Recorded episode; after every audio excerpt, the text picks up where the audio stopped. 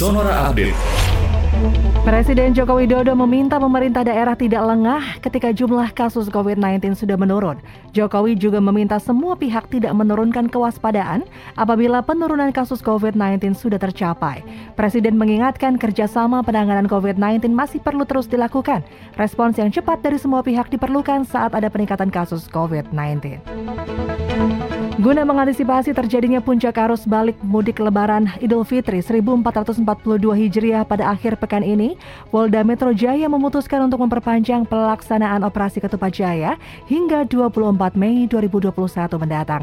Kabit Humas Polda Metro Jaya Kombes Polisi Yusri Yunus mengatakan, operasi Ketupat Jaya 2021 yang mulanya hanya berlangsung pada 6 hingga 17 Mei 2021 diperpanjang karena mempertimbangkan arus balik Idul Fitri yang diprediksi akan mencapai puncak pada Jumat 21 Mei hingga Minggu 23 Mei 2021.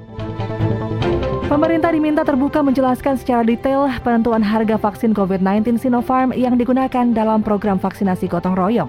Hal ini diperlukan untuk memberikan informasi yang jelas ke perusahaan terkait besaran harga yang sudah ditetapkan. Ketua Center for Health Economics and Policy Studies in Universitas Indonesia, Hasbullah Tabrani menyampaikan besaran harga vaksinasi COVID-19 yang digunakan dalam vaksinasi gotong royong harus dipastikan sesuai dengan hasil pertimbangan bersama organisasi pengusaha. Harga yang ditetapkan seharusnya sudah disesuaikan dengan kemampuan rata-rata perusahaan di seluruh Indonesia. Demikian Sonora Update.